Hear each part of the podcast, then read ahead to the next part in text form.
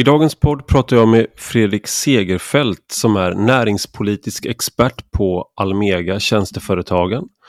Han är mångårig liberal debattör och författare till 14 böcker varav den senaste som kommer ut i dagarna heter Från Casablanca till orten. Och det är den boken vi fokuserar på idag. Det är en eh, personlig berättelse om kulturkrockar som börjar med äktenskapet mellan Fredrik Segerfeldt och hans marockanska fru Fatima. Och det sätter igång många tankar hos honom om kulturkrockar och vad den franska litteraturen från Nordafrika kan lära oss i Sverige om integration, migrationserfarenheter och en väg framåt.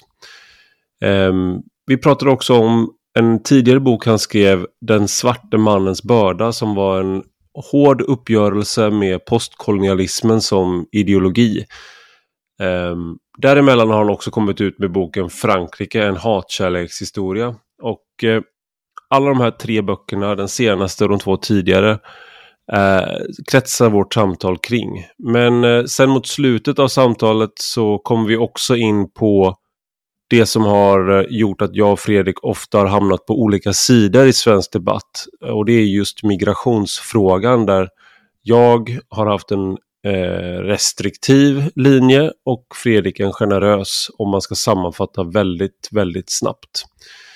Det är lite bråkigt men eh, jag rekommenderar verkligen den här boken liksom de två tidigare.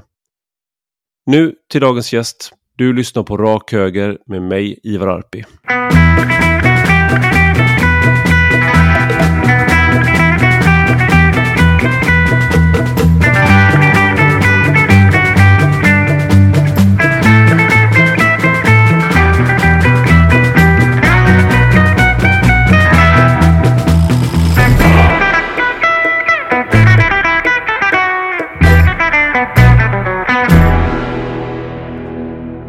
Välkommen till Rak Höger Fredrik Segerfeldt.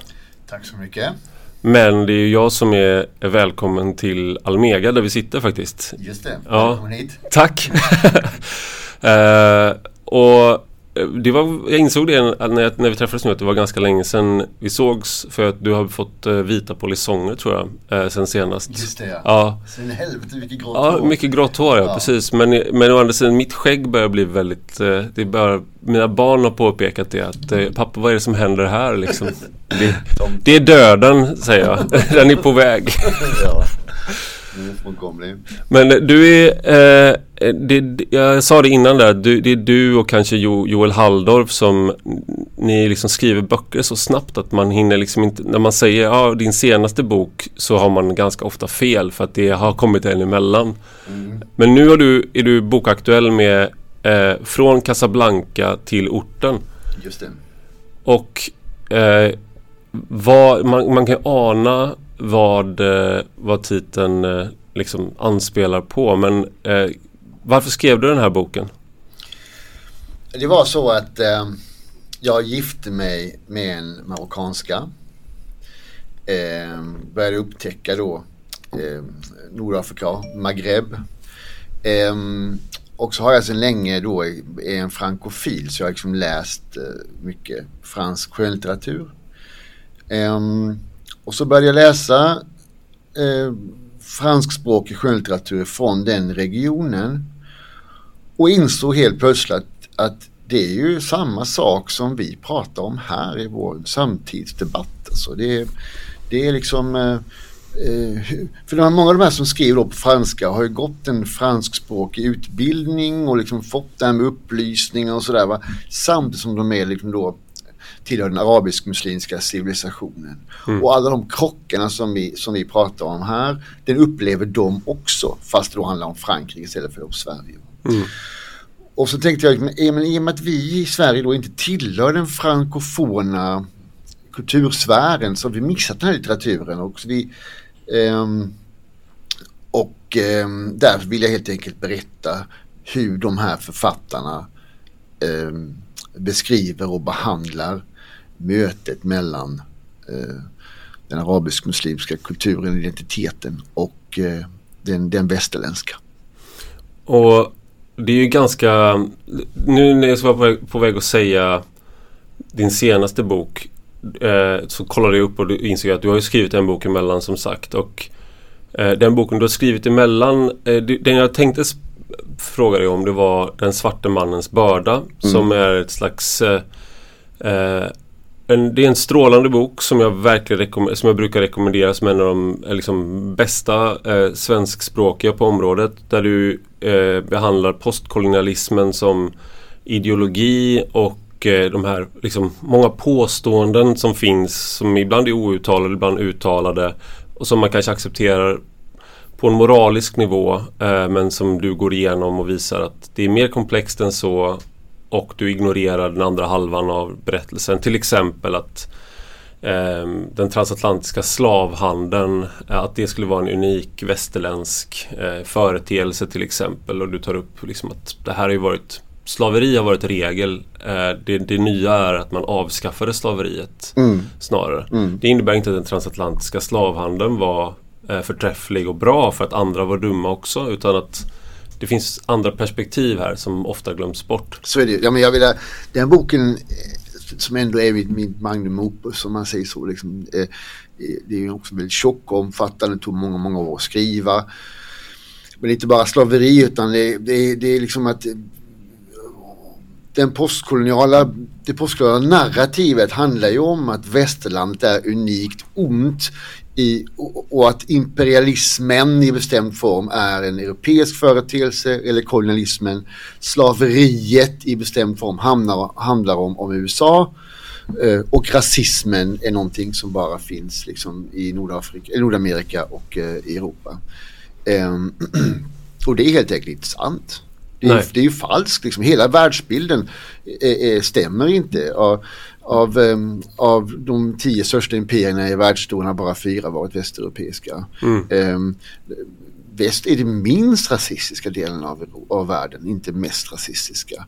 Um, Lätt för dig att säga som vit man. ja, ja, ja. Men jag menar, ja, då säger jag bara liksom att uh, ja, åk till Marocko. Alltså, mm. Där är det, där är liksom där får du inte tag i en taxi om du, är, om du är från söder om Sahara. Mm. Um, du kommer inte in som svart på en uh, strandklubb i Beirut. Mm. Um, ordet för slav och ordet för svart, liksom, det, är, sant, det har gått ihop. Liksom. Mm. Och sen den, den, muslimska handeln med afrikanska slavar var ju mer omfattande än den transatlantiska slavhandeln. Och merparten av alla afrikanska slavar har varit slavar i Afrika, inte i Amerika. Mm. Så jag menar hela den här uh, hela den här grejen som, som, som, som, som den verklighetssyn och historiebeskrivning som är underliggande i allt det som de postkoloniala håller på med är helt enkelt falsk. Mm. Jag kommer ihåg så väl på presentationen av Den svarte mannens börda och det är ju då en referens till den här dikten av eh, Rudyard Kipling, Den vite mannens börda, där den vite mannens börda var liksom att civilisera världen. Och den, den svarta mannens börda eh, är ju eh, är ju på liksom konsekvensen av den vita mannens börda kan, skulle man kunna säga. Det är den börda som läggs på alla som inte är vita för att eh, på grund av oss kanske. Eller bara liksom en lek med ordet. Men på presentationen på Timbro så var Malcolm Cheyune där. Och eh, det han sa där har inte, jag har inte sett att det har fått så stor spridning i efterhand men jag minns också vad han sa. Han berättade, du får rätta mig om jag har fel nu då, men han berättade ju att han, till, ni här sa han, så pekade han liksom ut på oss som satt bland åhörarna. Och vi var ju främst liksom eh, vita svenskar. Mm. Äh, ättlingar till äh, potatisbönder förmodligen de flesta av oss. äh, och han sa just det att ni är ju Ni har ingen liksom relation till de flesta av er till att handla slavar. Era släktingar gjorde inte det. Men jag kommer från en del, min, min familj är, är, tillhör en, en eh, klan som har eh, handlat med slavar. Jag vet det. Alltså, så jag är, jag såld, min släkt har sålt slavar, svarta slavar. Men här är det jag på grund av min, att jag är mörkare, på grund av att jag kommer från, äh, har påbrå därifrån, som kan trycka fingret i era bröst och säga att ni ska ha, känna skuld över det. Mm. Jag vet, jag vet, jag vet, jag vet, jag, jag, jag Jag har tänkt på det ofta, det han sa. Och det sjuka är liksom att han, folk kommer fram till honom i Sverige och ber om ursäkt. Mm. Men jag menar, för vad då? Ja, då ska de alltid hålla på med att vi sålde järn och vi hade en kort stund eh, någon station där på Västafrika och vi hade... Och Sankt Bartolomé som inte hade någon egen eh, sötvattenkälla som man fick eh, importera Just eh, dricksvatten. Just det. Men jag menar, men jag menar jämfört då med liksom vad inhemska slavhandlare har gjort med, med, med andra eh, med slavar i Afrika. Så det är klart att han, det är ju, han, är ju, han har helt rätt att hans arv är ju mer problematiskt när det gäller afrikansk slav, slaveri, afrikansk slavhandel än vad vårt arv är. Det är uppenbart. Men de ser ju inte så. Det beror ju på det här, de här marxistiska strukturerna som de tycker är så relevanta. Liksom. Och, men jag skulle ändå säga då att eh, någonting som du gör i den här boken och den boken som kom emellan de här två böckerna då som förstörde eh, det jag hade tänkt att säga att det var nästa bok. Det var eh, Frankrike en hatkärlekshistoria som kom då 2021. Och många av de här böckerna eh, som du tar upp i den här boken, Från Casablanca till orten, är just franskspråkiga och det är nordafrikanska författare. Mm. Och de kan man också säga har en hatkärlekshistoria till Frankrike. Men det, det du visar i den här boken är ju just den här, eh, alltså du tar, som du säger i inledningen, du försöker att trots då att du är väldigt kritisk till postkolonialismen så försöker du ändå ta de eh, konflikter eller eh, Nej, begrepp, begrepp, nej, men så här säger jag att låt oss ta postkolonialismen, låt, låt oss ge den en chans. Jag tar bort det aktivistiska, det ideologiska, men försöker använda de begreppen som de har för att förstå. För de har intressanta begrepp som, som liksom um, hybriditet, va? det här är begrepp som kommer från botaniken. Um, som om en dubbelhet, det är jätteintressant tycker jag. Mm. Um, Därför att det beskriver då hur det svårt det är när man har dubbla identiteter och sådär. Och sen det här tredje rummet som är då att hitta en neutral plats, ett neutralt forum där du kan liksom come to terms with vem du är. Och det visar sig liksom att i 4, 5, 6 av romanerna så, så, gör de det på olika sätt. De hittar, eh, det är en tjej som, har, eh, eh som är algerier men med en fransk mamma och då pratar franska. Men är inte, men lever i Algeriet.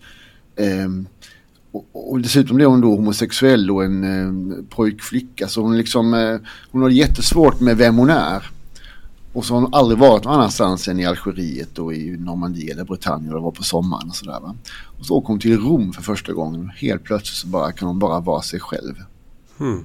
Hon är tvungen, hon, då, behöver, då är hon på en neutral plats. Då tvingas hon inte längre bara, är jag fransk eller algerier? Varför kan inte jag prata arabiska? Varför, varför, varför tycker inte de andra fransmän att jag är fransman? Och så vidare. Och det är ett antal sådana exempel. Så, så, det, är liksom, så det här är också, boken är också liksom en guide till integration. Jag förstår att det inte är så många förortskillar i 16-årsåldern som heter Abdallah som kommer läsa boken.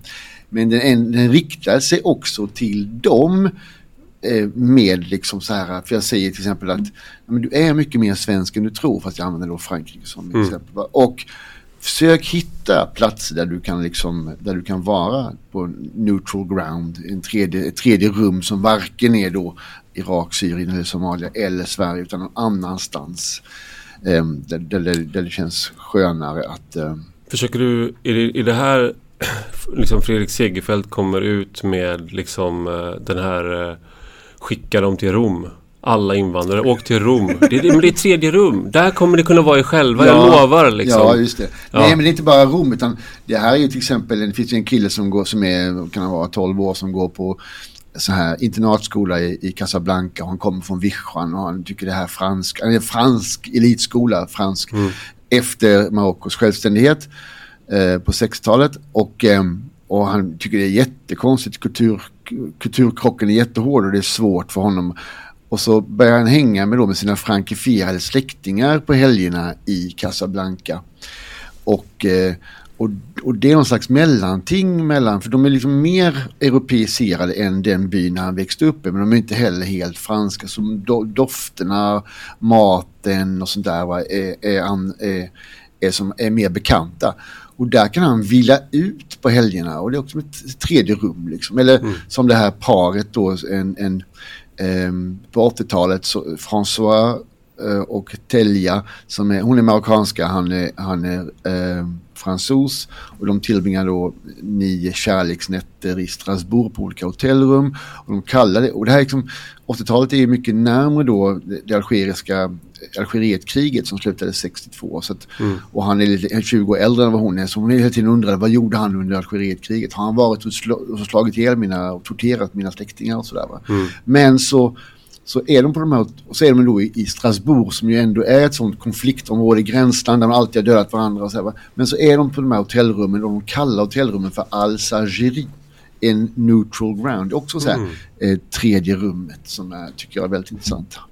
Och jag tänkte på det för din, mm. din hustru då Fatima, ni pratar eh, ofta franska med varandra. Mm. Eh, och, eh, men när hon är i Frankrike så pratar hon engelska. Mm.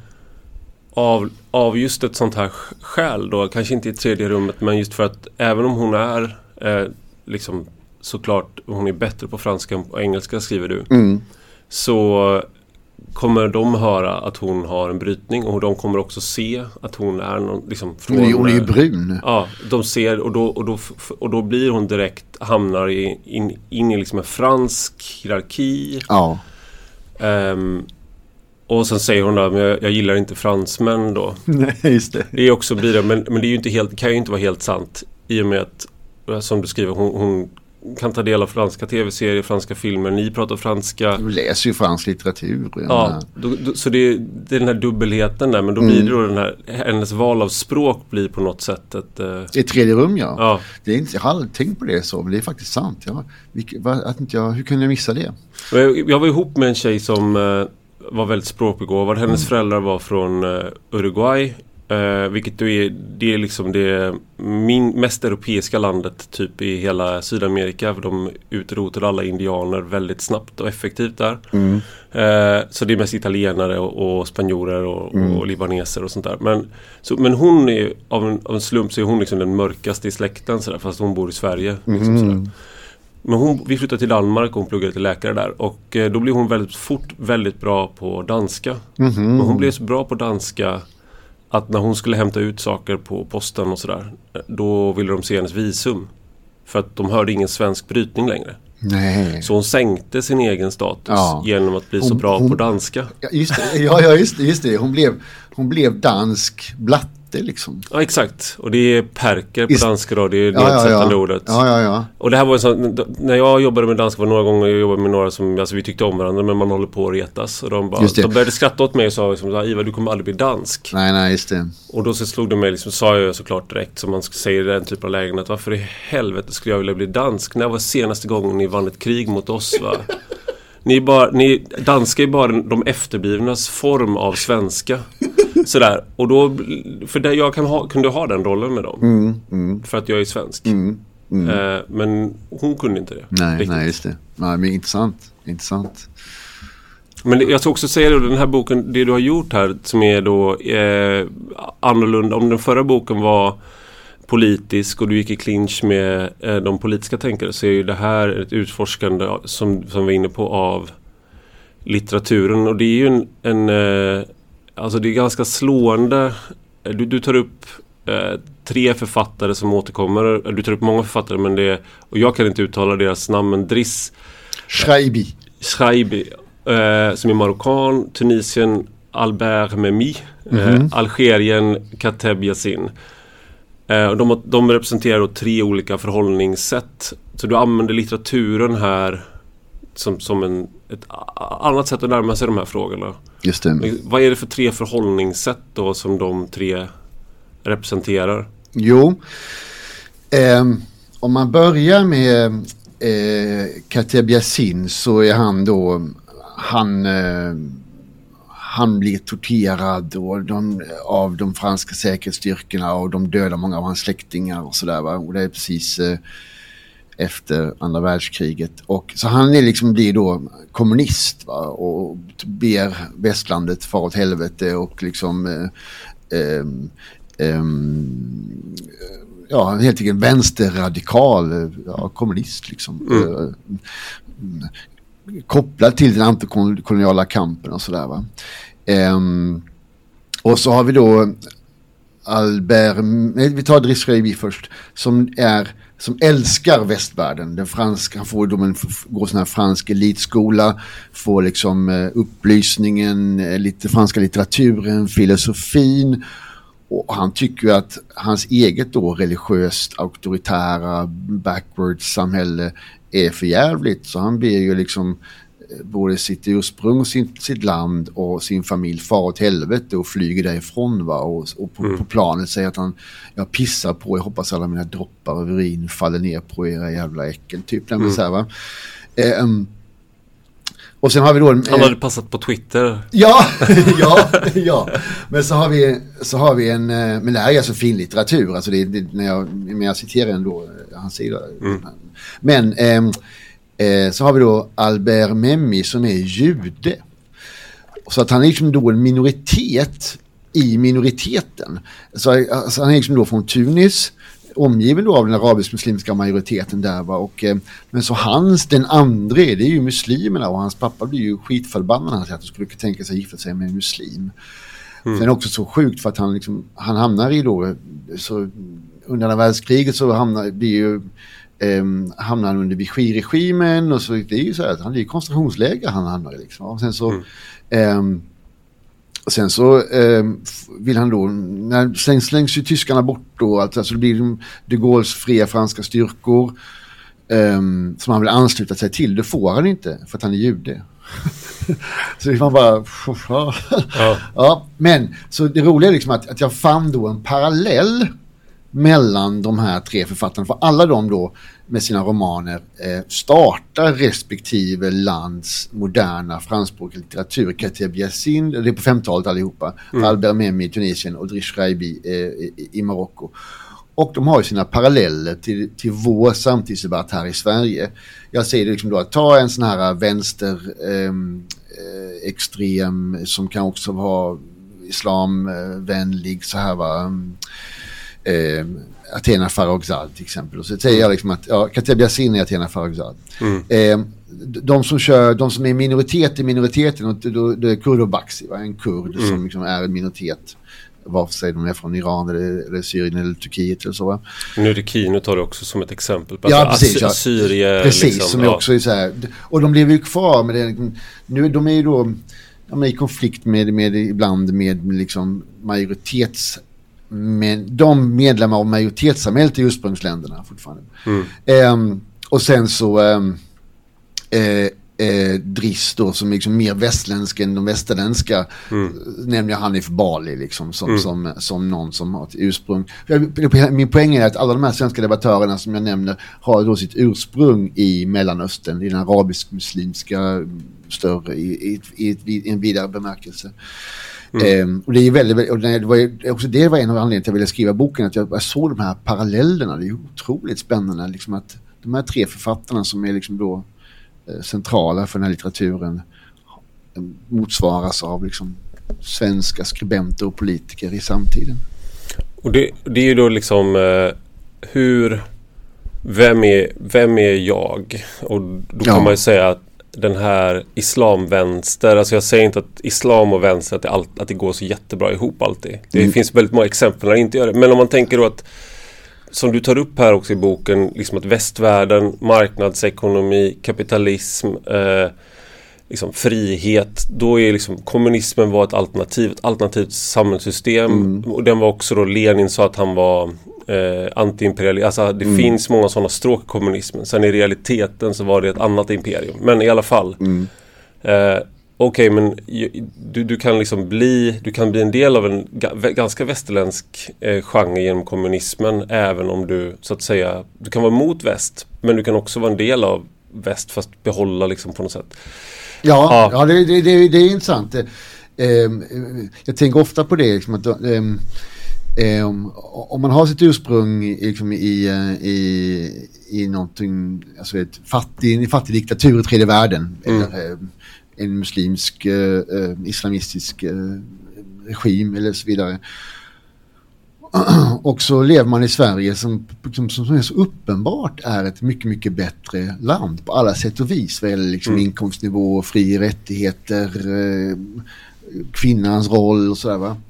Och, och, ändå är man, och så tycker man ändå liksom att, att sådana saker är viktiga så ändå blir man liksom, så är man kritisk mot Sverige. Som om de andra mm. alternativen skulle vara bättre. Det, det har jag väldigt svårt att förstå. Men jag menar, vi, men sen är det också så liksom att de här människorna som är, tillhör den här vänsterislamismen, eller så här, man säger på franska islam och gauchism som är islamvänster. Men mm. de, de, de, de, den postkoloniala delen av vänstern eh, finner ju där någon slags beröringspunkt med sådana som är muslimer. Jag, mm. jag, antar att det handlar om någon slags engagemang för människor som tycks, de, de tycker det utsätts för förtryck och sådär va.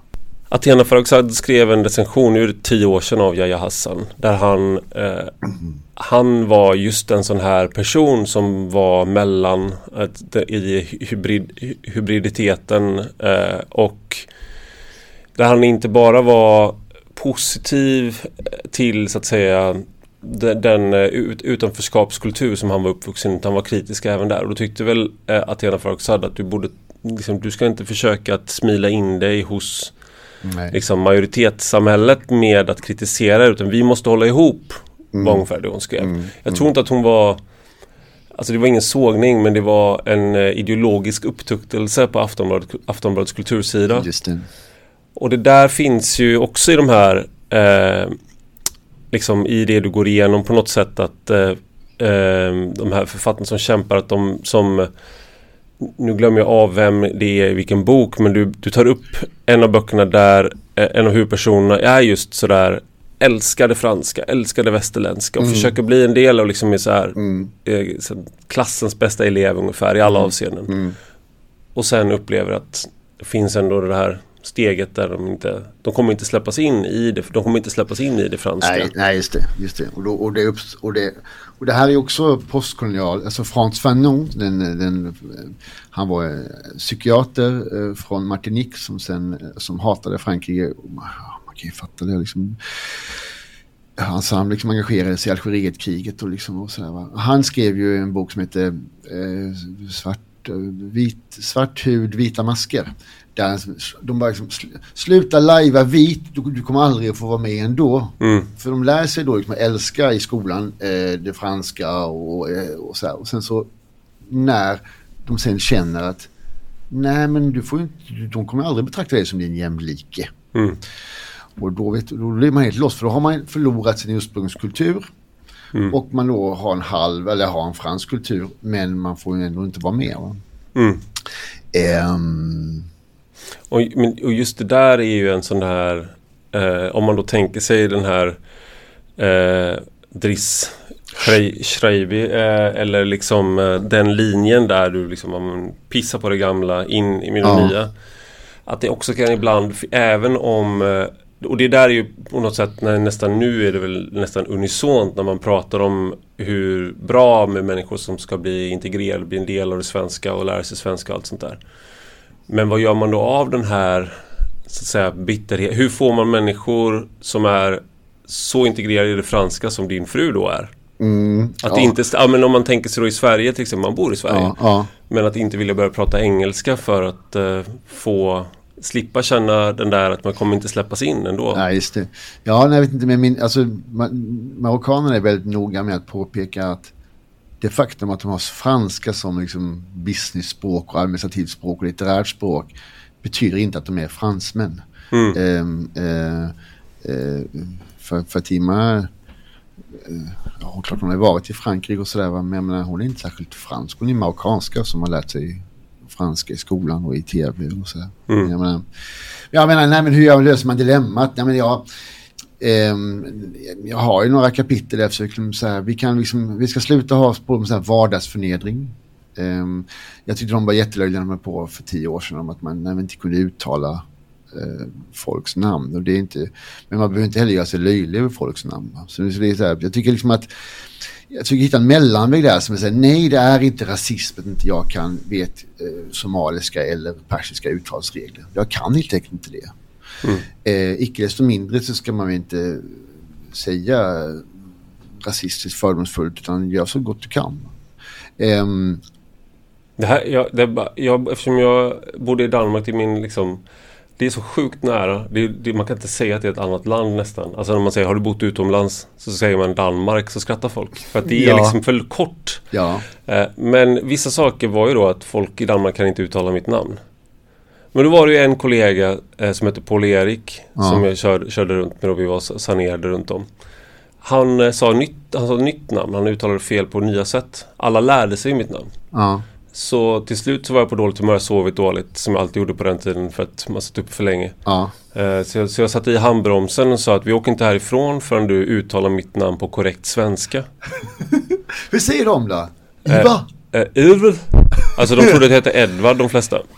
De bara, om du bara ska vara, om man är bemanningsföretag och du bara är där i några dagar så bara, jag kan mm. testa. Edvard, mm. funkar jättebra. Mm. Eh, och Eva trodde folk att det hette. Alltså mm. så här, de bara, det kanske man kan heta i Sverige. Eh, och det är så här, Ivar, jag menar, det är, sen, sen till slut så behöver man liksom hitta sätt som ska uttala det på då. Mm. Men eh, det, det, grejen är att det här är också en sån där, det är lite som motsvarigheten till att säga att man har bott utomlands. Att jag, folk kan inte säga mitt namn. Mm, mm. För att jag är ju svensk. Mm. Så att det, min status sjunker. Alltså precis som i, ingen kan uttala is, islänningarnas namn i Danmark heller ordentligt. Nej. Men statusen sjunker inte Nej. Eh, för det. Utan de, det är de som är det är de som är dumma. Ja, ja, ja, det är inte jag. Jo, men det, så det men, finns en sån där maktasymmetri här det, där, som man också får syn på i, i det här. Just det. Jag brukar alltid säga liksom det att eh, jag har skrivit i någon annan bok tror jag men, men det är i Frankrike-boken. Vi har ju den privilegiet som nordbor eller skandinaver att vi är alltid på toppen av alla rasisters hierarki. Mm. Jag brukar alltid säga till fransmän, vad skiljer mellan en arab med, med dig, mellan dig och en arab? Jo, de är längre söderifrån, de har starkare familjerelationer, de är lite fattiga, de har lite sämre teknologi, de har lite sämre hygien. Vad skiljer dig från mig? Ja, just det. ja, men för bygger du en hierarki som en trappa och så, du, och så mellan dig och så måste du också fortsätta trappan upp. Och jag finns ju då uppenbarligen högre upp än mm. fransmannen. Va? Det, jag tycker det är väldigt roligt. Det, det känns som att fransmän äh, inte, inte har så lätt att kanske se, se just det där att de inte skulle vara skapligt Landskrona. Jag vet, jag ja. vet, jag vet. Men, men äh, nej, det är roligt. Eh, men en sak som fram, framträder i det här är ju också att det är Eh, ja, men om det då under kolonialismen och eh, alltså Algeriet som bakgrundshistoria så var mellan 1830 och 1962 en integrerad del av Frankrike. Mm. Och många fransmän flyttade dit. Mm. Och även idag är det många, var det upp till fem, en miljon flydde efter Algerietkriget. Och sen var det fem miljoner tror jag du skriver som räknar sig som fortfarande kallar sig för svartfötter, Pierre Noir. Pierre Noir ja, ja. Men jag tror att det är fem miljoner som också som, som berör. För det, det handlar mm. också om, det är många andra som, som till exempel var det ju då eh, under kriget var det ju så många som tjänstgjorde där nere också som, som har beröringar till det. Och så, det. Eh, för de, det var ju då, alltså, vad heter det, värnplikt va. Mm. Eh, och sen har du alla invandrarna som också, det är, jätte, så det är jättemånga som har kopplingar Och sen har du till, då, till, som du tar upp också, att också den här mångfalden i mm. eh, som också påverkar vad du har för relation till det nya landet eller till eh, där du bor nu i alla fall. Att eh, de, som var algerier, araber, men eh, stred för den franska sin Harkis som Just sen det. då också är också utforskas i den här litteraturen du tar upp. Men ja. det är också en, ännu en dimension i mm. att så att säga du kan förlora ditt gamla hemland på fler än ett sätt. Mm. Uh, de var inte välkomna till, de var tvungna att fly för att överleva och deras, till och med deras ättlingar kan ibland inte vara välkomna tillbaka. Så de har liksom inte kunnat åka till till Algeriet. Mm. Nu vet jag inte hur det är för Hanif Bali men han eh, eh, apropå det så är den här islamiska nej, eh, nu glömmer jag av vad det heter men både han och eh, Hanif Azizi som bland annat är polis och bland annat är med i podden Sista målet. De har ju samma bakgrund. Mm. Alltså en blandning mellan marxism och islamism. Mm. Och eh, de förlorade ju då så att säga dubbelt. De, för, de var ju motståndare till shahen. Men de är ju också då eh, motståndare till det nuvarande styret. Mm, mm.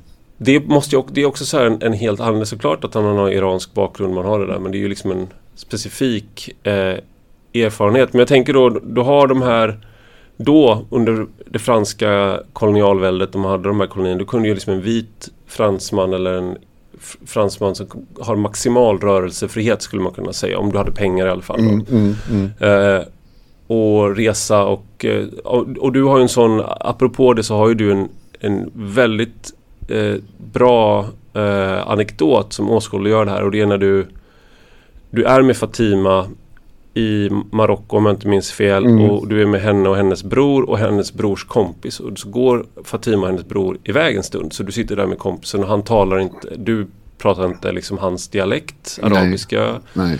Eh, och han pratar inte så bra, han pratar inte engelska. Nej, och inte, försöker, och inte franska. Nej, och du försöker ändå prata lite så här ja, långsamt. sitter man liksom, sitter ju vid det här bordet, det blir ju jättekonstig tystnad. Man liksom inte låtsas om varandras existens i 20 minuter. Så jag, liksom, jag vet ju att han har läst franska i skolan. Så jag liksom pratar så här. Du mm. förstår väl vad jag säger? Mm. Och han liksom låtsas inte om det. Han baserar sin mobil och liksom ignorerar min existens. Mm. Väldigt bekväm. Det är, så här, det är så här Larry David situation känner jag. Det är så här ja. Larry David på semester. Ja, just det. Just det, just det. Ja, men och då så börjar, och då är det en bordsgranne liksom, sitter en familj typ en och en halv meter bort, nästa bord liksom. Och i min ålder en man. Och han fräser ifrån. Va? Sluta! Vad håller du på sådär för? Du ser att inte han förstår. Mm. Och varför lär du dig inte arabiska när du är här? Och han säger det på franska till dig? Till mig, ja. På flytande franska, precis. Va? Och jag, och jag liksom bara jag, undrade, jag förstod ju inte vad jag har gjort. Jag bara, nej förlåt, jag, det kanske inte är så bra att, att försöka prata. Jag tänkte bara försöka ha en konversation. Jag, jag, jag är inte fransman. Ja, så franska är ditt tredje språk. Ja, franska, franska är mitt tredje språk. Och då bara, jaha, jaha, just det. Alltså, eh, och så bara, och, och liksom, så, så, så, så, sa han bara, jaha, vad, vad är du från? Jag är från Sverige? Jaha, men... Och så visade att de också var från Rabat. Vi var, vi var i Marrakesh då, och mm. min fru är från Rabat. Um, och så då, han, liksom, hans aggressivitet försvann helt och hållet och han, han kände liksom att man såg framför sig vad han tänkte sig. Liksom, de här dryga fransmännen kommer ner och spelar Allan. Mm. Ungefär så som de här godsägarna eller, eller de rika i städerna behandlade eh, de koloniala undersåtarna på, liksom, på ett förnedrande sätt.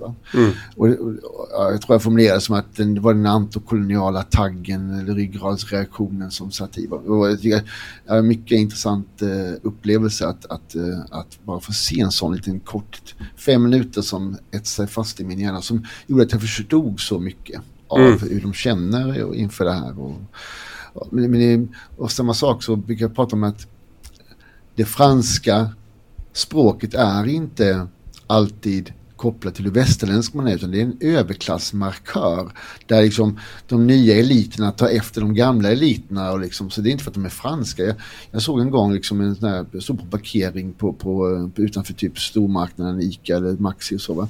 Så kommer det ut en sån här stor fet SUV ut hoppar liksom två salafister med så här, helt klädda med, hon är då helt klädda, helt, helt klädda, hennes hud var helt borta och han hade så här liten kort mössa och vit mössa och och lång klänning och sådär va. Mm. Och en barn också.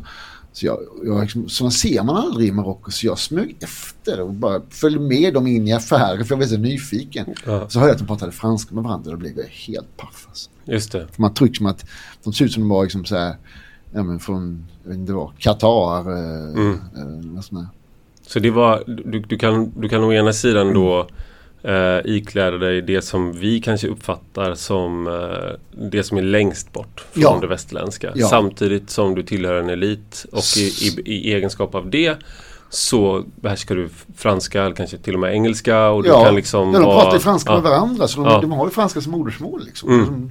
Det, ja, otroligt spännande. Så att de här identiteterna är ju aldrig så enkla som man tror. Utan, eh... Nej. Eh, det är Eh, det är också en, en, scen i en av de här böckerna där eh, en av eh, karaktärerna eh, som eh, har påbrå från Algeriet och de bor i en fransk eh, banlieue. Tror att, jag tror att det var en fransk banlieue och, och då liksom motsvarigheten till en förort då. Ehm, socialt särskilt utsatt område. och han ska åka tillbaka till Algeriet mm. och han pratar med sina kompisar och de är så här tuffa machokillar liksom så här, lite liksom tillhör en sån subkultur. och de här kompisarna börjar liksom ge honom massa goda råd och det visar sig då att de har ju liksom, de har alla rötter i eh, Nordaf Nordafrika själva då. Mm. Alltså deras mm. föräldrar, deras mor och farföräldrar. Vissa är från, från Afrika söder om Sahara också. Okay, men majoriteten ja. av dem är, ja precis. Men de visar sig då ha eh, lika mm, motsvarande fördomar som vilken fransman som helst kan ha som inte känner till eh, Exakt. Algeriet.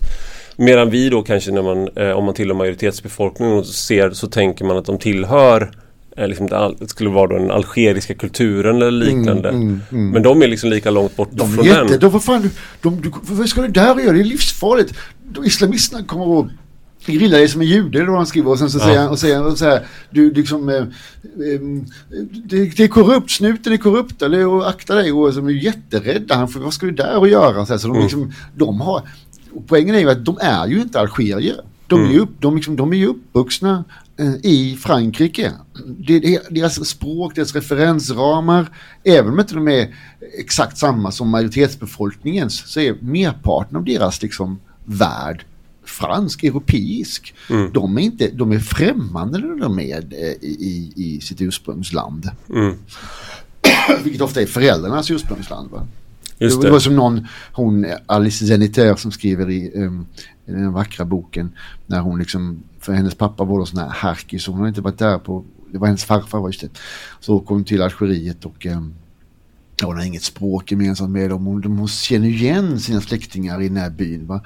Men hon, hon bara, hon, hon, eh, hon, alltså hon, hon ser den här sysslingen eller kusinen som ser ut precis som hennes syrra och sådär. Men alltså fattigdomen, lukten, maten, islamisterna och allt det här. Va? Hon känner sig så främmande och så säger hon så här. Hon inser så här. Algeriet. Jag insåg att Algeriet, det var för mig farmors kök. Mm. för det var egentligen den bilden av Algeriet hon hade. Så att jag menar, eh, det, det kapitlet heter liksom franskhet, men liksom det, mitt budskap är egentligen du är mycket mer svensk än du tror. För du, ditt första språk är svenska. Du, dina referensramar är svenska. Du, konst, du pratar svenska i skolan. Eh, du konsumerar svensk eller amerikansk kultur antagligen. På YouTube och annat. Så mm. att eh, eh, ehm, du, eh, när man är uppvuxen i ett land så har man oftast merparten majoritetskulturens eh, värld. Det är bara det att ehm, ja, man känner sig kanske annorlunda, man ser annorlunda ut och också majoritetsbefolkningen behandlar en annorlunda. Vilket gör att man då försöker skaffa sig en egen identitet som har då med föräldrarnas ursprung att göra. Det har man ju sett, många av de här terroristerna och andra är ju ofta andra generationens... Eh, det finns också fina exempel. Eh, inte fina alls, men just mm. när du... Nu glömmer jag vilket terror det var, det har ju varit en del. Eh, då hade de eh, innan de eh, liksom tog på sig bombbältena så hade de besökt liksom typ Red Light District motsvarande eller sådär med bordell och strippklubb och sånt där. Och sen, men de var ju då liksom samtidigt stred för liksom den renaste islam. Mm. Och eh, man kan ju se dem som hycklare då. Men man kan också se det som en ganska tydlig eh, eh liksom tydlig fingervisning om vilken konflikt de måste ha haft inom sig.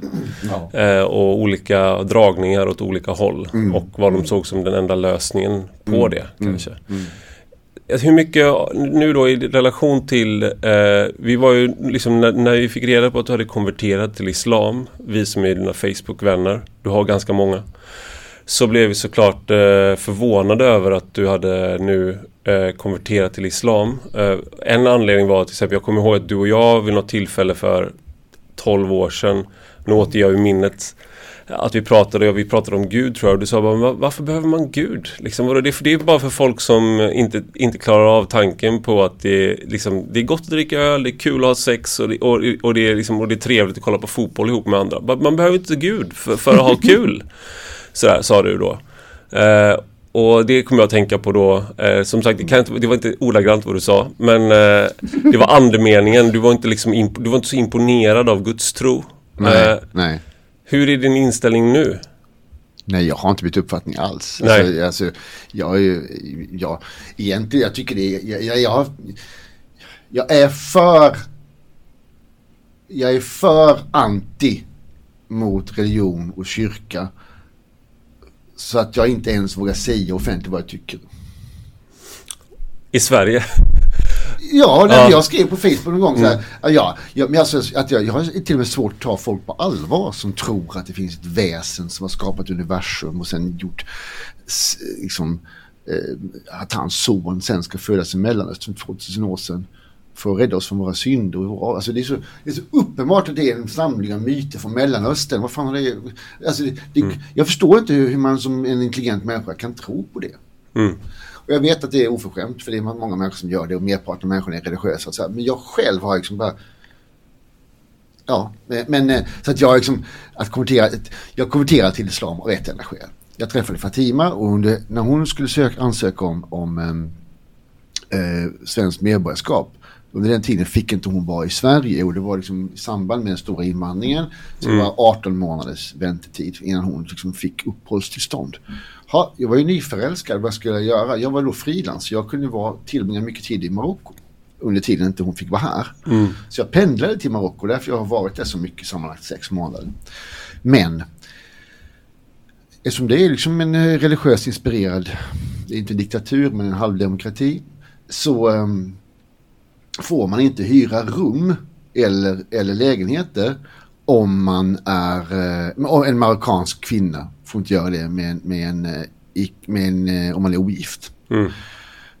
Så man måste visa upp liksom ett äh, certifikat de mariage eller vad det heter, alltså en äktenskapsintyg. Men man får inte gifta sig. En marockansk kvinna, muslimsk kvinna får inte gifta sig med en man som inte är muslim. Så för att kunna vara där överhuvudtaget med Fatima så var jag tvungen att på pappret konvertera till islam. Mm. Och jag menar, ja, ja, det är klart att man kan säga att det är hyckleri. Men menar, för mig var det, gå in där och skriva på ett papper och säga några meningar till en kille liksom i klänning. Det skit väl jag i. Mm. Det, eh, du har en eh, fin scen där som är, jag vet inte, kanske inte den eh, eh, liksom viktigaste i den boken men som jag kommer komma ihåg. Det är när ni ska åka då till eh, på bröllopsresa eh, för att eh, där får ni liksom, där kan ni dela hotellrum även om det inte har gått, gått igenom all, alla stegen än. Mm. Och eh, glöm jag av vad, för det, det, finns ett ställe där liksom marockaner behöver inte söka visum. Just för. det, och det är ju eh, Kap Verde. Kap Verde ja. Och, och, ni ringer och kollar det ja, innan liksom. Ja. Så kollar upp allting ja. och sådär. Så att ni liksom, och så, så ni, liksom, ni får gå runt där på flygplatsen och ni får, då kan, man, kan inte gå och hålla varandra i handen. Och så där, för det gör man inte Nej. offentligt i, i Marocko när man är en, äh, Gifta par gör inte heller det. Mm. Uh, man visar helt enkelt inte fysisk uh, ömhet offentligt. Nej. Uh, och sen när ni ska då komma dit så... Vi är, ganska, vi är ganska lång tid på flygplatsen. Vi checkar in, vi går runt där på taxfree och sådär. Och så ska vi börja liksom sista kontrollen. Och då går jag igenom och sen så, så hör jag Fatima som ropar Fredrik, Fredrik. Så bara, det är ett problem här. Mm. Nej, hon har inget visum. Så vi får mm. inte åka. För då har de tröttnat på alla marockaner som, som kommer dit och som ja. inte kan ha råd med de här 30 eurona det kostar på plats för att eh, köpa visum. Så har de infört det, men liksom, det är så här liksom, i, i sunkländer, vad ska man säga, man liksom, länder som har lägre, inte har vår öppenhet och utvecklingsnivå, de har inte kommunicerat det. Och jag har liksom ändå dubbelcheckat det med Kap Verdes eh, vis, eh, honorärkonsul i Stockholm på mail, bara sådär va. Men eh, nej, så vi kom inte iväg. Så att vi fick tillbringa eh, natten på ett flygplatshotell. För klockan var ett på natten. Alltså, ja. natten på ett flygplatshotell i Casablanca. Och, ja, men... Eh, men, men, vi fick ju ha två hotellrum. vi hade ju ingen äktenskapsintyg. Och vilket jävla skit alltså. Ja. Men, och sen roligast med ja. jag har tagit bort den här grejen i boken. Där min förläggare ville det. Men, men eh, eh, eh de åkte ju iväg med mitt bagage. För mitt bagage var incheckat. Så, mm. så jag, och jag har medicin jag behöver. Som, alltså det var ju saker som bara liksom, ja, jag hade, det var ju min, min packning liksom. Ja. Och så är det då åtta mil mellan Rabat och Casablanca flygplatserna. Så att jag liksom, den kvällen var det ju nästan, nästan stängt. Men morgonen efter gick vi tillbaka och försökte liksom få dem att ta kontakt med, eh, med flygplatsen i Capelle. Så jag skulle få tillbaka min väska. Mm. Men jag åkte fram och tillbaka tre gånger för att försöka få dem att, äh, att äh, hjälpa mig med det, Lost and found. Liksom. Mm. Icke. Eh, men min fru är också så att hon, hon har väldigt starka principer. Jag får inte muta. Och, och det är så att hon säger alltid, så fort du kommer i dina blå ögon blir allting tre gånger så dyrt. Och de Mm. förväntar sig en muta. Så att eh, eh, jag fick inte tillbaka mitt, mitt bagage. helt enkelt. Och det är så det fungerar i korrupta eh, eh, ja, länder. Det är de här små skulle- mutorna skulle- som, som gör, som också, om man ska tala för de här då korrupta tjänstemännen så är det så här att om, om det är systemet så då att bara lämna ut bagaget i det där läget, då är det ju du som är dum. Alltså det är klart att du ska kräva en muta. Om det är, så, om det, är det som gör att du kan dryga ut lönen. Ja, så du ja, kan, ja. Alltså sådär. Jo, just Men det. det- Men det är också det här bristen på tillit. Va? Den Ja, ja, precis. Ja, eh, men eh, sen så, eh, så till slut så ringer jag då själv till flygplatsen hemifrån från den lägenheten vi hyrde. Mm. Eh, för man kunde ibland hyra lägenheter och de som bodde i Alltså frans, fransmän med ursprung i Marocko hyrde ut sina lägenheter. Så det var så, så ibland lyckades vi liksom hyra fast Mm. vi inte var gifta. Ehm, men, ehm, så då ringde jag till, till flygplatsen där och bara, jaha, alltså den här bruden som kom från Casablanca i onsdags ja, ja, ja men jag skickar tillbaka nästa flyg, kom på torsdag. Det, så enkelt var det. Jag var så jävla förbannad. Mm. Och, liksom så här, och, jag, och det är också så här liksom att, eh, ja jag fattar för den inte fungerar. Det här tänkte jag då fråga för att jag, jag eh, har ju gjort en slags, eh, alltså en sak som jag, om man då pratar om den här, den svårigheten att integreras med det västerländska och kolonialism, postkolonialism. Eh, eh, eh, jag tror det var, det var Hanna Arendt som sa det eh, ungefär samtidigt tror jag som de här, eh, eh liksom de tre portalböckerna som vi har pratat om nu då som skrevs på 50-talet att eh, när Europa, eller when Europe in all earnest began to prescribe its laws to all other continents it so happened that she herself had already lost her belief. Och då just tar upp liksom i det är en annan bok då som heter Oriental Enlightenment uh, The Encounter between Asian and Western Thoughts av J.J. Clark som kom 97. Och då tar han ju upp just att det var väldigt många av de här som är fram, väldigt, fortfarande väldigt framstående, anses vara framstående intellektuella i väst som uh, Martin Buber som jag har haft anledning att återvända till som är en, uh, han var orientalist och han menade ju liksom att eh, han var vän med Tagore också som då hade liksom den här tanken att öst hade liksom eh, den själ kvar den själ som vi i väst hade förlorat och att man då genom att åka österut så kunde man få tillbaka den eh, och det var ju liksom eh, Carl Gustav Jung, Schopenhauer, Tolstoj, det har funnits där. Det finns fortfarande i det ryska tänkandet att de har den här, de är den perfekta syntesen mellan väst och öst. De har själ, men de är också rationella. Kanske att invadera Ukraina inte var det mest rationella sådär, men eh, i alla fall då liksom att man har den här känslan av att vi inte att vi befinner oss i underläge liksom vad gäller BNP men kanske på andra områden. Och det där tycker jag man kan känna också då även inom alltså så här i, i dynamiken i Sverige att man ska man har liksom inte, jag uppfattar det inte som att folk har det här jättestarka självförtroendet som man kanske kan eh, man kan se de här böckerna när de har kolonialherrar och lärare och sånt som tillrättavisar. Som du tar upp och citerar då liksom den här otroliga överlägsenheten och som den här bordsgrannen eh, som hade i ryggmärgen där när han hörde dig sitta och, och försöka få din, eh, eh, din svågers kompis att prata med dig. och han hörde någonting helt annat. Ja, ja. ja. Men hur upplever du det där? Känner du liksom en... Eh, eh, du liksom... Ja, känner du av en... Att här, det svenska, det västerländska, att du är 100% självförtroende att det är vi som är, eh, har svaret? Eller är det så att nu när du... Jag vet inte vad frågan är. Jag vet inte heller vad För frågan du, är. för du sa ju så här, ha svaret då. Och det, jag, jag, jag tänker ofta på detta att vad är lösningen då? Vad är, jag, bara, jag ser inte vad frågan är. Jag är helt övertygad om att, att, liksom att jag lever, inte Sverige, eh, men, men Nordvästeuropa eh, tillsammans med Kanada, Australien, Nya Zeeland. Så här? Eh, vi tillhör liksom den atlantiska och jag det är de, de bästa samhällen som mänskligheten någonsin har skapat. Mm. Eh, och eh, jag är väldigt glad att leva där och att leva i en sån tid. Där vi har liksom, ja, där det helt enkelt är eh, bättre än någon annan människa eh, ha, har haft det. Eh, eller, eller har det. Jag menar, mm. Vi har en kombination av eh, öppenhet, tolerans, eh, eh, lagstyre, välstånd, respekt för mänskliga fri och rättigheter som är ett undantag i mänsklighetens historia och i mänskligheten idag i, i, i, i resten, jämfört med resten av världen. Eh, så jag har ju väldigt eh, starkt självförtroende vad gäller liksom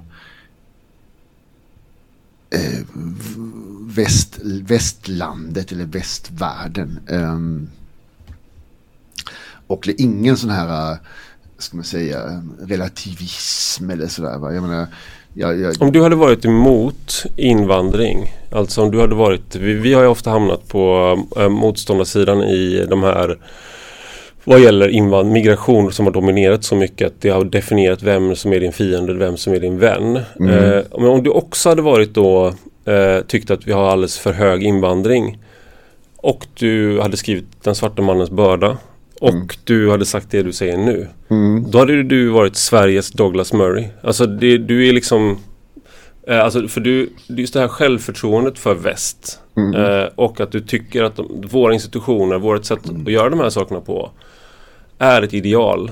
Uh, och alla, eller liksom att som vi själva strävar mot hela tiden men också att vi har kommit en bit på vägen där och vi ja. har liksom framförallt ingenting att det var bättre för 150 år sedan eller Nej. liksom sådär. Det är inte det ideal men det är det bästa, det bästa som har gjorts. Det är inte samma mm. sak. Eh, inte ideal men det bästa som, det bästa som har uppfunnits hittills, liksom, eller skapats. Är det inte just då eh, den här attityden som du ger uttryck för nu som eh, de postkoloniala eh, tänkarna skulle säga att det är den här hybrisen, den västerländsk hybris som ignorerar eh, ja, men det här klassiska då att eh, mycket är byggt med, på ryggen av eh, eh, fattiga och vi är beroende av eh, våra, de här våra fina institutioner är beroende av att eh, liksom det globala syd producerar våra varor och sådär ja, ska vi börja? Ja, men det, det är ju intressant för det första. Jag menar,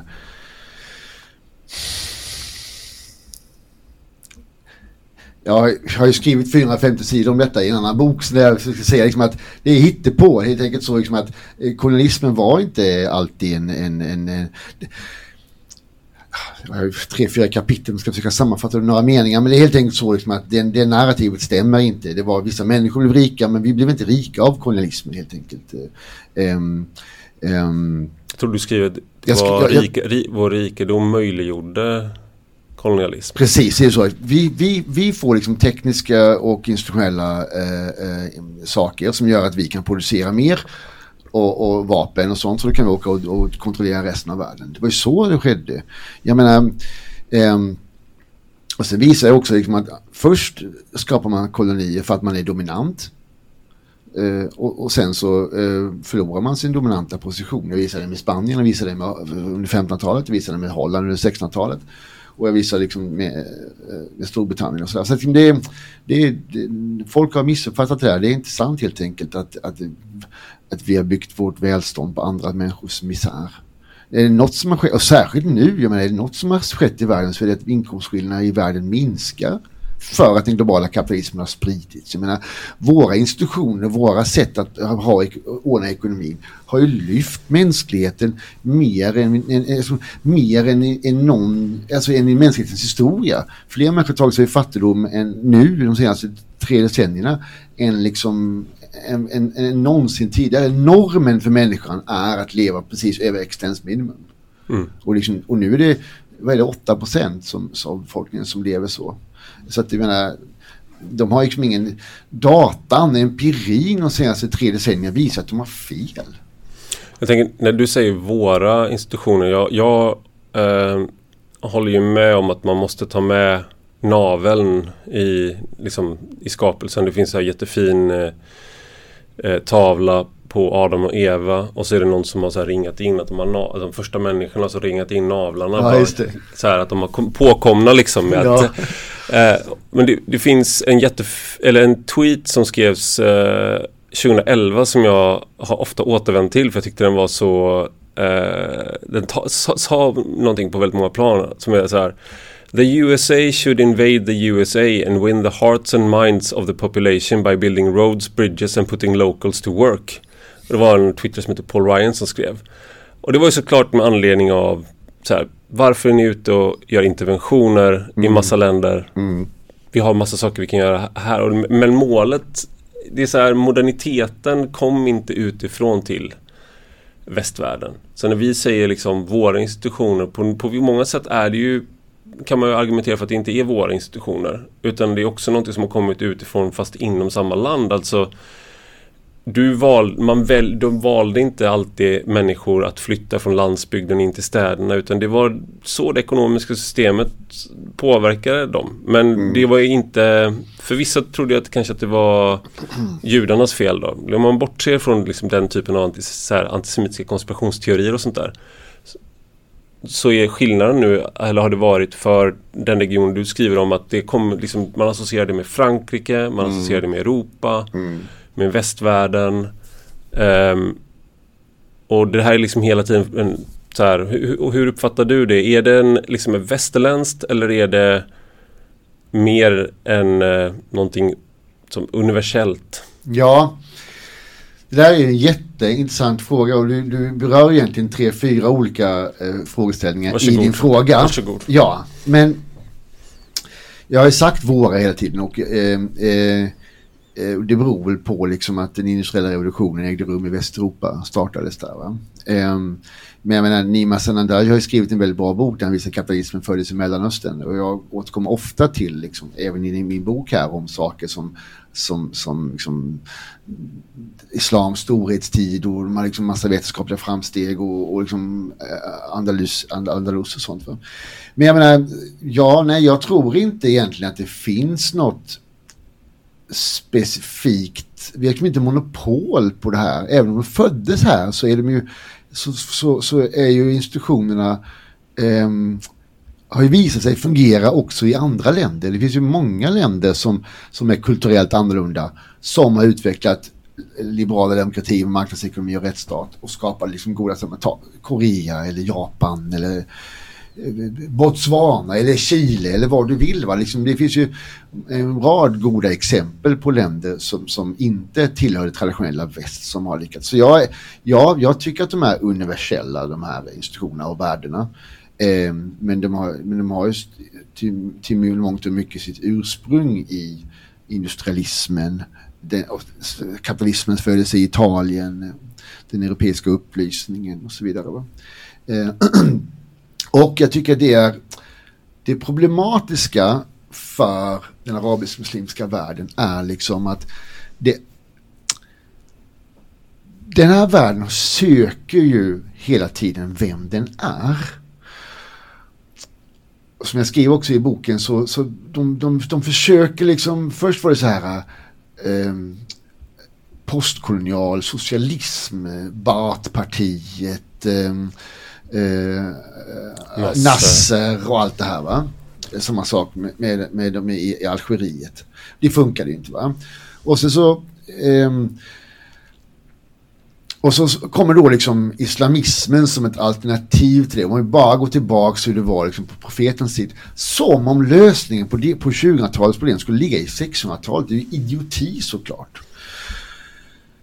Men det är liksom då att i det här ligger en identitetskonflikt. Va? Vem är vi och vem vill vi vara? Och vi vill ju också leva som man gör i väst. För de, det, liksom, det ser man i migrationsströmmarna och hur man, konsumtionen och sånt där. Va?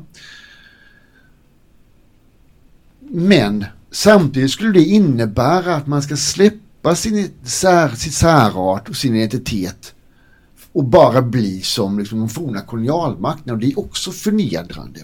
Så de, vad de måste hitta är liksom ett sätt att bli liberal demokrati med rättsstat och marknadsekonomi med mindre korruption utan att behöva släppa på sin identitet. Och det är den nyckeln som den här världen ännu inte har liksom hittat. Jag har aldrig formulerat så i boken, jag formulerar det nu liksom. Men det, det är väl det som är liksom saken och det, och det är därför det hela tiden liksom det är, därför, det, är, det, är det här liksom som är dilemmat eller, eller liksom deras man trodde under arabiska våren att det skulle gå. Mm. Men det visade sig att det gick inte. De har inte den mognaden, det låter som att jag låter som en sån här vit kolonial britt liksom. Men, det är nästa bok. Den, den vite mannens börda. Så bara gå tillbaks ett steg. Ja, nej, men man inte civilsamhället och så här, Det var som bara en sån salt som har, som har slagit den här, den här världen liksom är klämd mellan eh, svärdet och, eller vad han kallar det, alltså mellan liksom islamisterna eller militärerna. Det är ja. alltid som i Egypten. Va?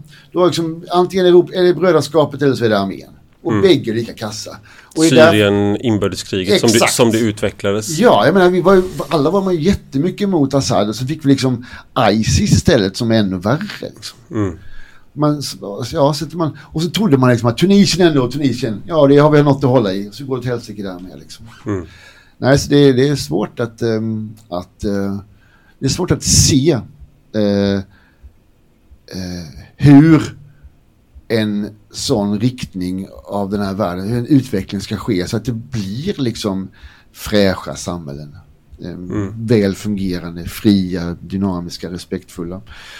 Um, alltså det, det, det, det är um, ett dilemma. Men jag, jag skriver också om det här att jag skulle vilja att det uppstod en som man kallar det för, en, en, en rörelse som är motsvarigheten till europeisk kristdemokrati, alltså islamdemokrater. Att islamism borde egentligen betyda det och inte liksom galen terror eller eh, extremism eller så. Um, det är fint. Jag skulle säga att eh, om jag ska eh, säga något gott om islamister, vilket inte är så ofta jag gör. Eh, när jag pluggade på universitetet och då pluggade jag mellanösternkunskap och fokuserade mycket på islam och då läste vi mycket om muslimska brödraskapet och då, det var ju innan arabiska våren. Mm. Och eh, då såg ju väldigt många av dem som eh, islamologer och liknande som beskrev muslimska brödraskapet. Och Mattias Gardell är en känd svensk förespråkare av den här teorin just, som också efterlyste ungefär men han menade väl att de var ungefär som men det de hade gjort då som var, liksom, som var ett exempel på det här det var att de hade eh, de gjorde många av de här sakerna som de tidiga kristna, kristna gjorde, det vill säga fattigvård. Där staten mm, misslyckades, mm, där fanns Muslimska mm, brödraskapet. Mm. Och de gjorde många och eh, liksom den, sen när de tog makten i Egypten så gjorde de väldigt mycket mer än så. Eh, det var inte bara välfärdsstat de ville bygga.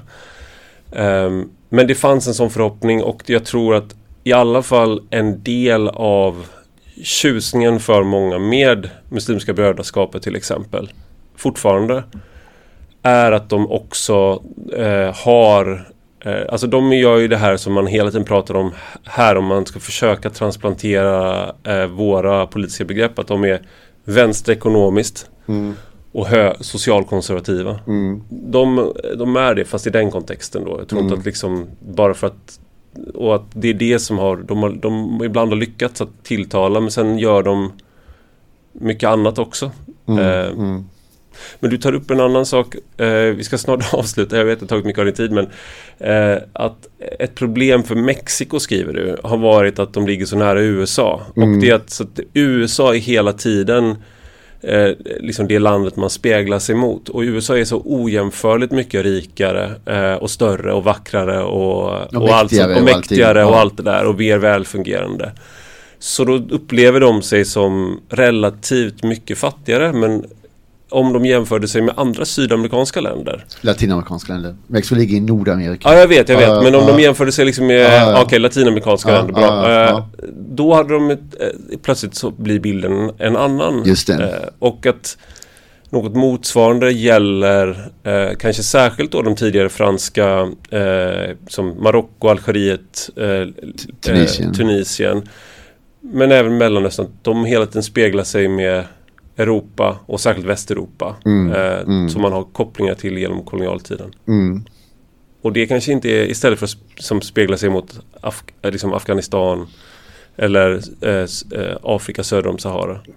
Ja, det är ju klassisk centrum-periferianalys liksom. Att man tittar på centrum och man relaterar till det och så är man själv i periferin och så är det det man liksom Nej men de, de, de nordafrikanerna, alltså de marockaner och algerier, de säger om, alltså de, är Afri de kallas inte afrikaner, afrikaner är de svarta. De bor liksom inte i Afrika ibland, många av dem. Och det är jätte, jag tycker det är jätteintressant att de skiljer sig så.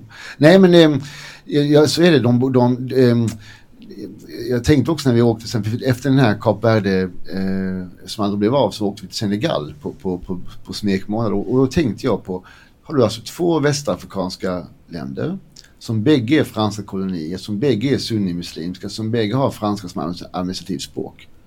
Inga kontakter emellan. De har liksom inga kontakter. Det är lite mm. affärer som liksom, de borde vara jättenära varandra liksom kulturellt. Men, men eh, det, det, och det beror ju på att, också på att Marocko, marockanerna är rasister. De, de, mm. de, är extrema rasister mot, mot svarta och sådär. Um, nu kommer iväg, kommer iväg från ämnet va? Det känns som att det... Nej, det, det, nej, det, det, är, så, det är så spännande tycker jag. Liksom, ja. att, att, att, man, att de, de, de ska aldrig få för sig att jämföra sig med, med en afrikan. Därför att de är inte, eller med en svart, eller med ett svart afrikanskt land. Därför att de tycker inte att de är det. De är liksom nästan europeer. Det här påminner mig om när, när jag jobbade i Danmark. Men då, då, då på, på, den arbetsplatsen där... Jag har inte sagt att jag är från Blekinge men alltså, jag är ju halvdansk. ja precis. Det är ju... Köpenhamn är min huvudstad va? Det är ju ett tecken. Jag tycker jag alltid brukar ta upp det med er som är från södra Sverige. Att det, det är så fantastiskt när integration fungerar. Ni pratar ju nästan, ni pratar ju nästan ren svenska nu. ja. Det har bara tagit några hundra år. Men när jag jobbade med de här danskarna som tyckte att jag inte kunde bli dansk. Mm. På den arbetsplatsen fanns det ju eh, en irakier som var nyanländ och en somalier som också var nyanländ. Mm. Och de här danskarna de, de höll på att kalla Iraken då för lille terroristen. Det här är 00-talet. Så, det var, så de var ju så här. Så jag sa till honom när vi, när vi han och jag att om du vill, liksom, om du säger ifrån så kommer jag backa upp dig. Liksom. För jag tycker mm. inte att det är okej. Okay, men jag kommer inte säga till dem om inte du gör det. Mm. Som jag kommer inte ta din fight. Men om du gör det så, så backar jag upp dig. Mm. Eh, och han så pratade han bara det är ibland danskarna liksom sådär. Och kunde han prata med mig eftersom jag var ju också invandrare då.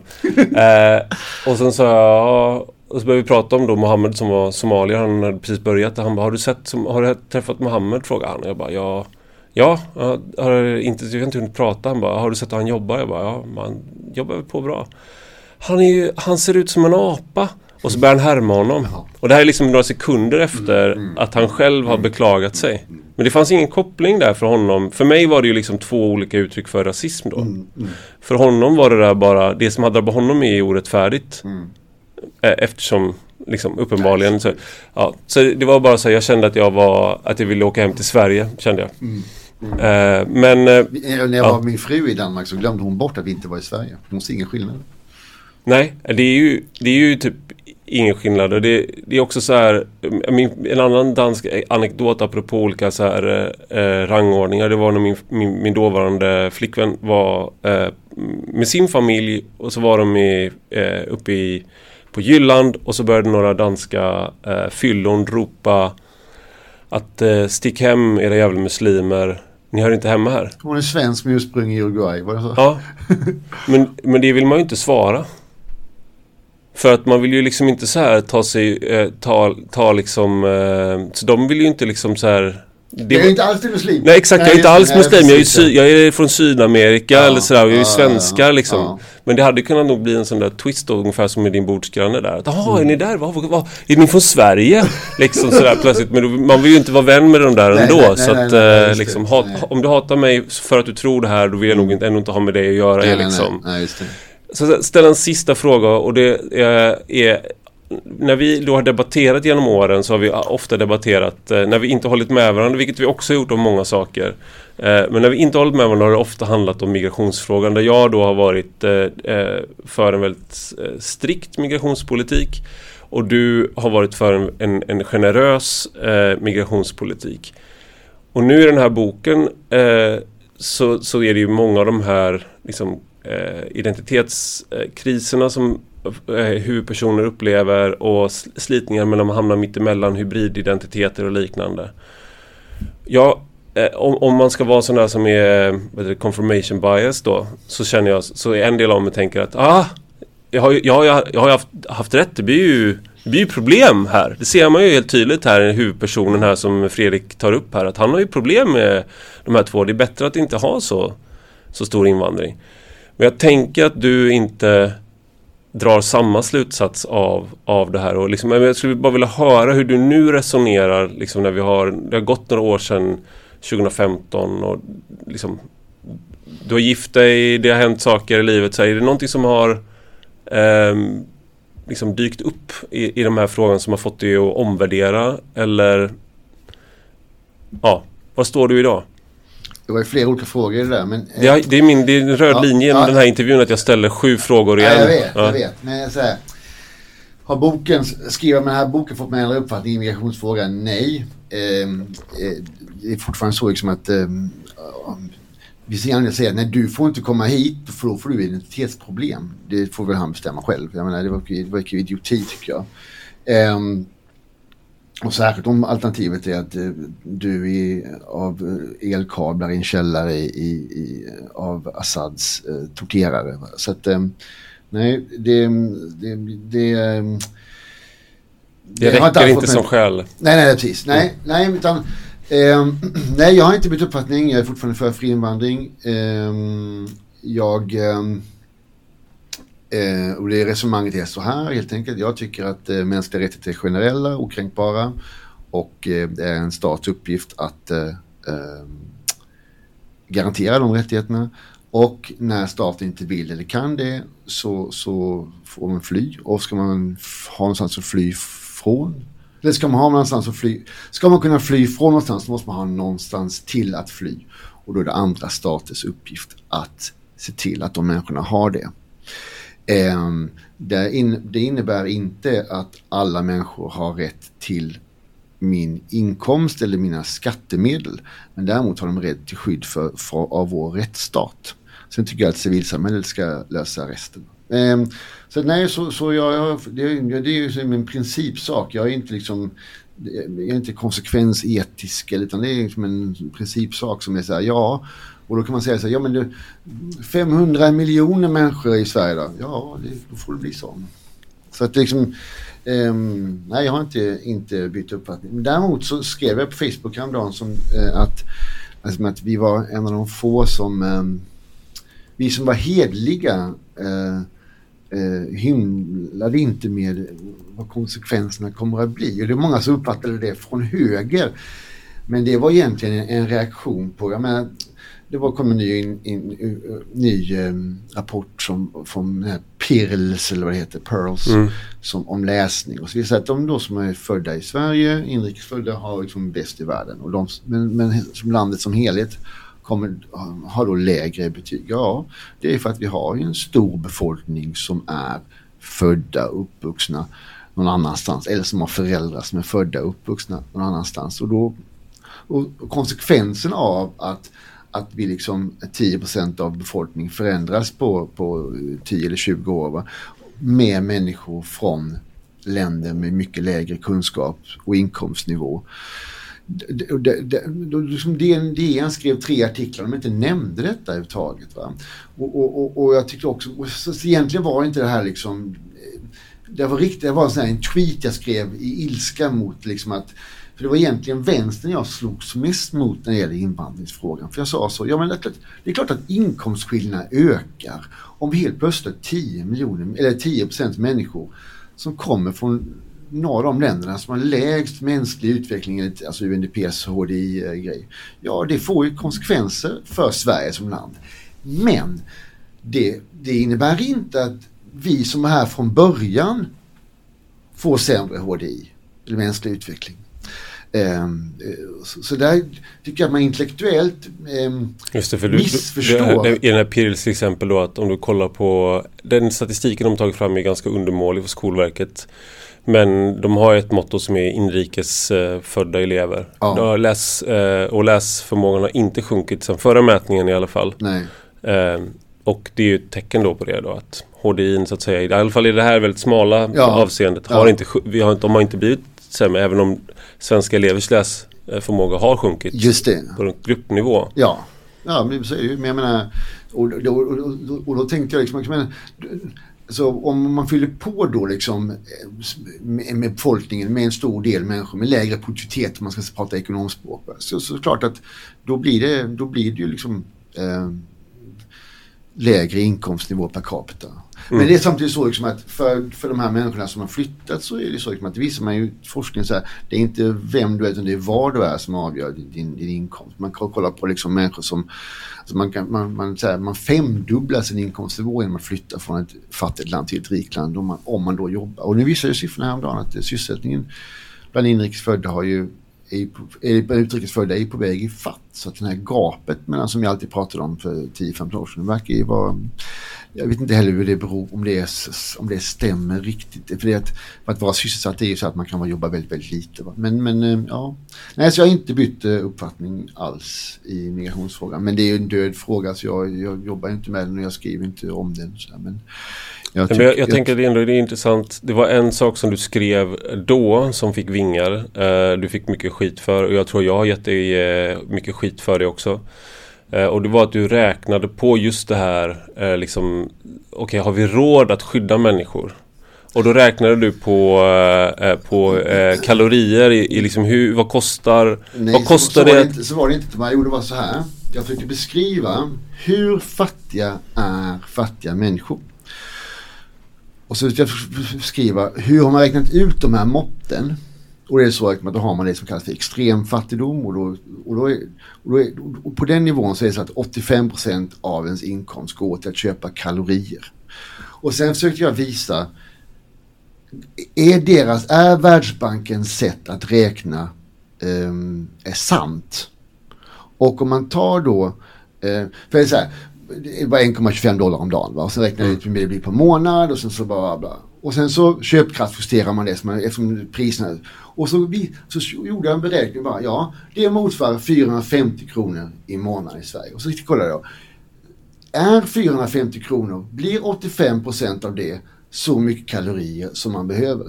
Mm. Det, var, det, var, det jag gjorde. Och sen har ni sagt hela tiden att ah, du vill att folk ska leva på ris. Nej, mm.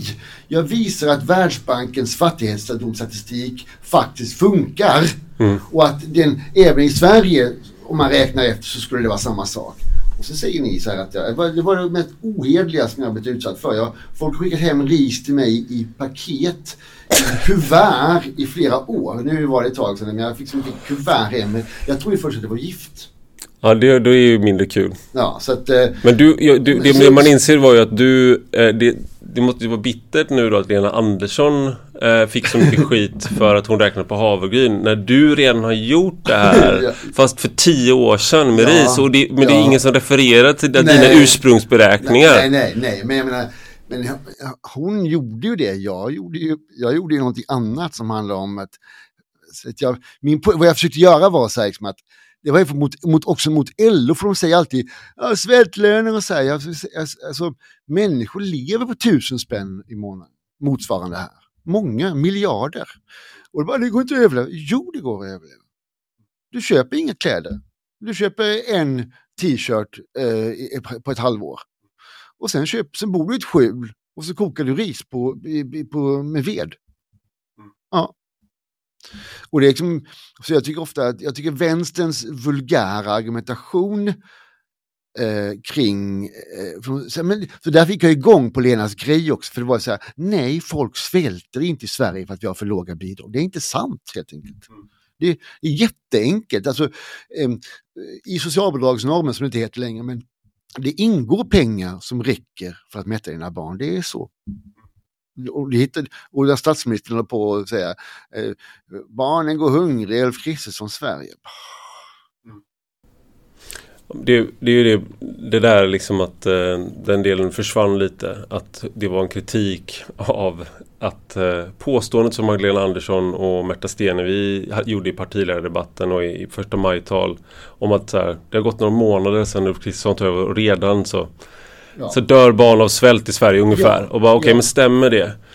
Men det folk läste var eh, Finns det fattiga människor i Sverige? Och finns det, det var det så här de läste det. Finns det fattiga människor i Sverige? Och vems fel är det i så fall? Ja. Och då tyckte de att Lena Andersson var Det är ditt eget fel om eh, Om du har det tufft och dina barn har det tufft. Eh, och eh, det, det, det är väldigt förvirrad debatt. Men det jag tänkte här bara det sista nu då. Är det liksom om det kommer väldigt, för det här, är ju, det här går ju då in i att det här är liksom den anklagelsepunkten där ehm, eh, ni som är kanske ehm, mer liberalt sinnade tycker att alla låter som sos, någon typ av sossar. Och det är ju det här med då att eh, om det kommer väldigt många människor från länder som har lågt H, eh, HDI, alltså man, sådär, och eh, vi har väldigt starka kollektivavtal och det är så höga, höga trösklar in på arbetsmarknaden. Mm. Så får du eh, ganska fort en svart ekonomi där de kan sälja sin arbetskraft eh, till ett pris som funkar för dem. Men det innebär också att om du har en bostads, alltså du har normer för bostäder och sånt där. Kommer de inte ha råd att hyra kanske eh, till rätt pris och då får du successivt ett, det vi kallar skuggsamhälle som växer och allt det där. Mm. Och då skulle jag säga att det där är en konsekvens av den kombinationen att vi då har en, en, en hög invandring men vi är inte beredda att kompromissa. Men du är så inkonsekvent i att du kompromissar inte med de här samhällsinstitutionerna någonting. Eh, och då kan man dra två, sluts eh, två olika slutsatser. Antingen sänk migrationen. Och den andra är sänk eh, liksom trösklarna på olika sätt. Men det är mm. sådär. Och jag, liksom, hur, hur tänker du idag kring den frågan? Jo, men jag har såklart tänkt jättemycket på detta. Och jag liksom, eh, så här, det går inte att ha fri invandring till en välfärdsstat, säger alla. Ah, nej, men så, och så skriver man liksom två rapporter och en bok om detta. Och så ska, och så ska varenda gång ska folk alltid säga samma sak. Jag, och jag, du får väl läsa någon rapport jag har skrivit. Nej, men, så jag, nej, men så här. Eh, jag skrev eh, fem, fyra förslag på hur man kan slussas in i välfärdsstaten. Eh, man kan tänka sig att du har välfärdskonton. Ehm, man kan tänka sig att man, man får, liksom, du får bara akutsjukvård första gången och sen så får du, liksom, sen får du efter ett tag när du har liksom börjat jobba och så, här, så får, får du liksom successiv tillgång till systemen. Eller ja, olika, det finns lösningar att lösa, det finns lösningar på den här problematiken. Jag kan också tänka sig att du får vara här och så får du inte vara med och få en del av välfärdsstaten alls. Skulle man kunna tänka sig. Um, eh, lönebildningen och, och, och, de höga skatterna på låga inkomster. Liksom, vi har ju, ha, socialdemokratin har ju haft som, som, som, som mål i hela tiden att, liksom, att få bort jobb som är enkla. Men så här, när jag bodde i USA så var det folk som packade kassarna i butiken och sådär. Det, och det har ju varit att trycka upp lägstalönerna Så, där, Så liksom, nu kan du inte jobba om inte du eh, lägstanivån är väl 23 000 nu i kollektivavtalen. Och sådär. Um, nej men det är klart att det är problematiskt. Jag tycker att människor då ska få jobba här för 15 000 och få ut 15 000. Uh, um, jag tycker att um, och det kom, och det, men det, allt det här skapar ju liksom, ja det kommer ju eh, vara människor som har mycket lägre levnadsstandard. Men, och då säger man, ja men det, de, sen kommer de att känna att, eh, att de är avundsjuka på, på de som har de, de infödda svenskarna. Så där. Ja, men jag menar, dels då det här att det handlar liksom om, alternativet är ju, är ju att eh, vara i krig. Eller alternativet är att leva för 3000 kronor eller 2000 kronor någon annanstans. Då tycker jag fortfarande inte det är upp till dem att göra det valet. Um, um, Nej, så jag, sen har det inte funnits, jag, sen ret, jag har också retat mig hela tiden på, på den här, eh, alltså de som vi var allierade med i migrationsfrågan, vänstern. De vill ju inte erkänna de här målkonflikterna. Det är liksom, det jag har retat mig på så in i bomben. Jag liksom att, jag så, oh, ni vet ju att människor får lön efter hur produktiva de är, i snitt. Ni vet också att de här människorna är mycket mindre produktiva, för de har inte gått i en västländsk skola.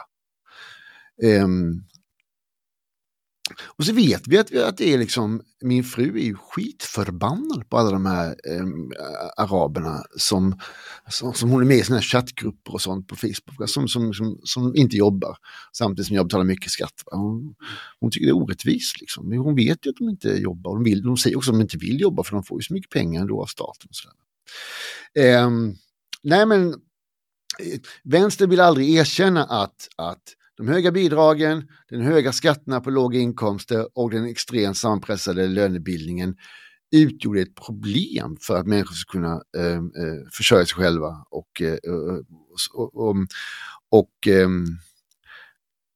och, det, ja, det, och det retade jag mig på, för de liksom bara, nej det är inga problem här om, om, om, om vi har liksom eh, tre miljoner människor till som går på bidrag. Och det är klart det är ett problem. Därför att, eh, ja, så Alltså det, det tyckte jag var... Mm, jag kombinerar ju det sämsta av två världar i att jag är liksom, jag är för mer välfärd men jag är också eh, mot migration. Så jag är både, ja, in, jag är både inhuman ja. mot de som vill komma hit och sen så är inhuman mot de som är här genom att jag eh, tror att det är bra om vi har liksom eh, högre minimilöner och sånt där. Det. Du, är, ja. du är Blue Labour egentligen. Ja exakt, det blir, det blir det. Ja, eh, Eller, han, vad heter han? Jag träffade honom innan han blev så världsberömd. Anywheres Somewheres. Uh... David Goodhart. Ja, men jag tror inte det var han som myntade Blue Labour. Men han... Ja, han kallar sig Blue Labour ja, vet jag. Absolut. Ja, precis.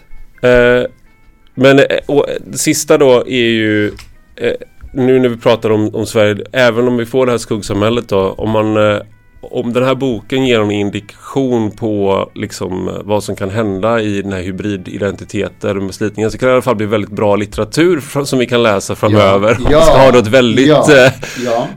från oven perspektiv. Men stort tack Fredrik Segerfeldt för att uh, du var med i Rak Höger. Ja, det var jättekul. Tack så mycket. Och stort tack till er som lyssnar. Gå gärna in och skriv en recension på Apple Podcasts eller i den app där du lyssnar på podden så hjälper du andra att hitta den och du hjälper mig att bli bättre.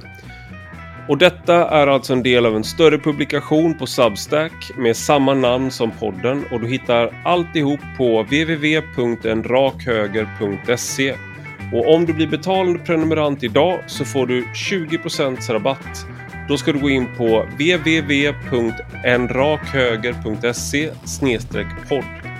Och betalande prenumeranter, då får man ta del av hela poddavsnitt, alla texter och exklusivt extra material. Och har ni några frågor eller synpunkter så tveka inte att höra av er på ivararpi.substack.com. Vi hörs om en vecka igen.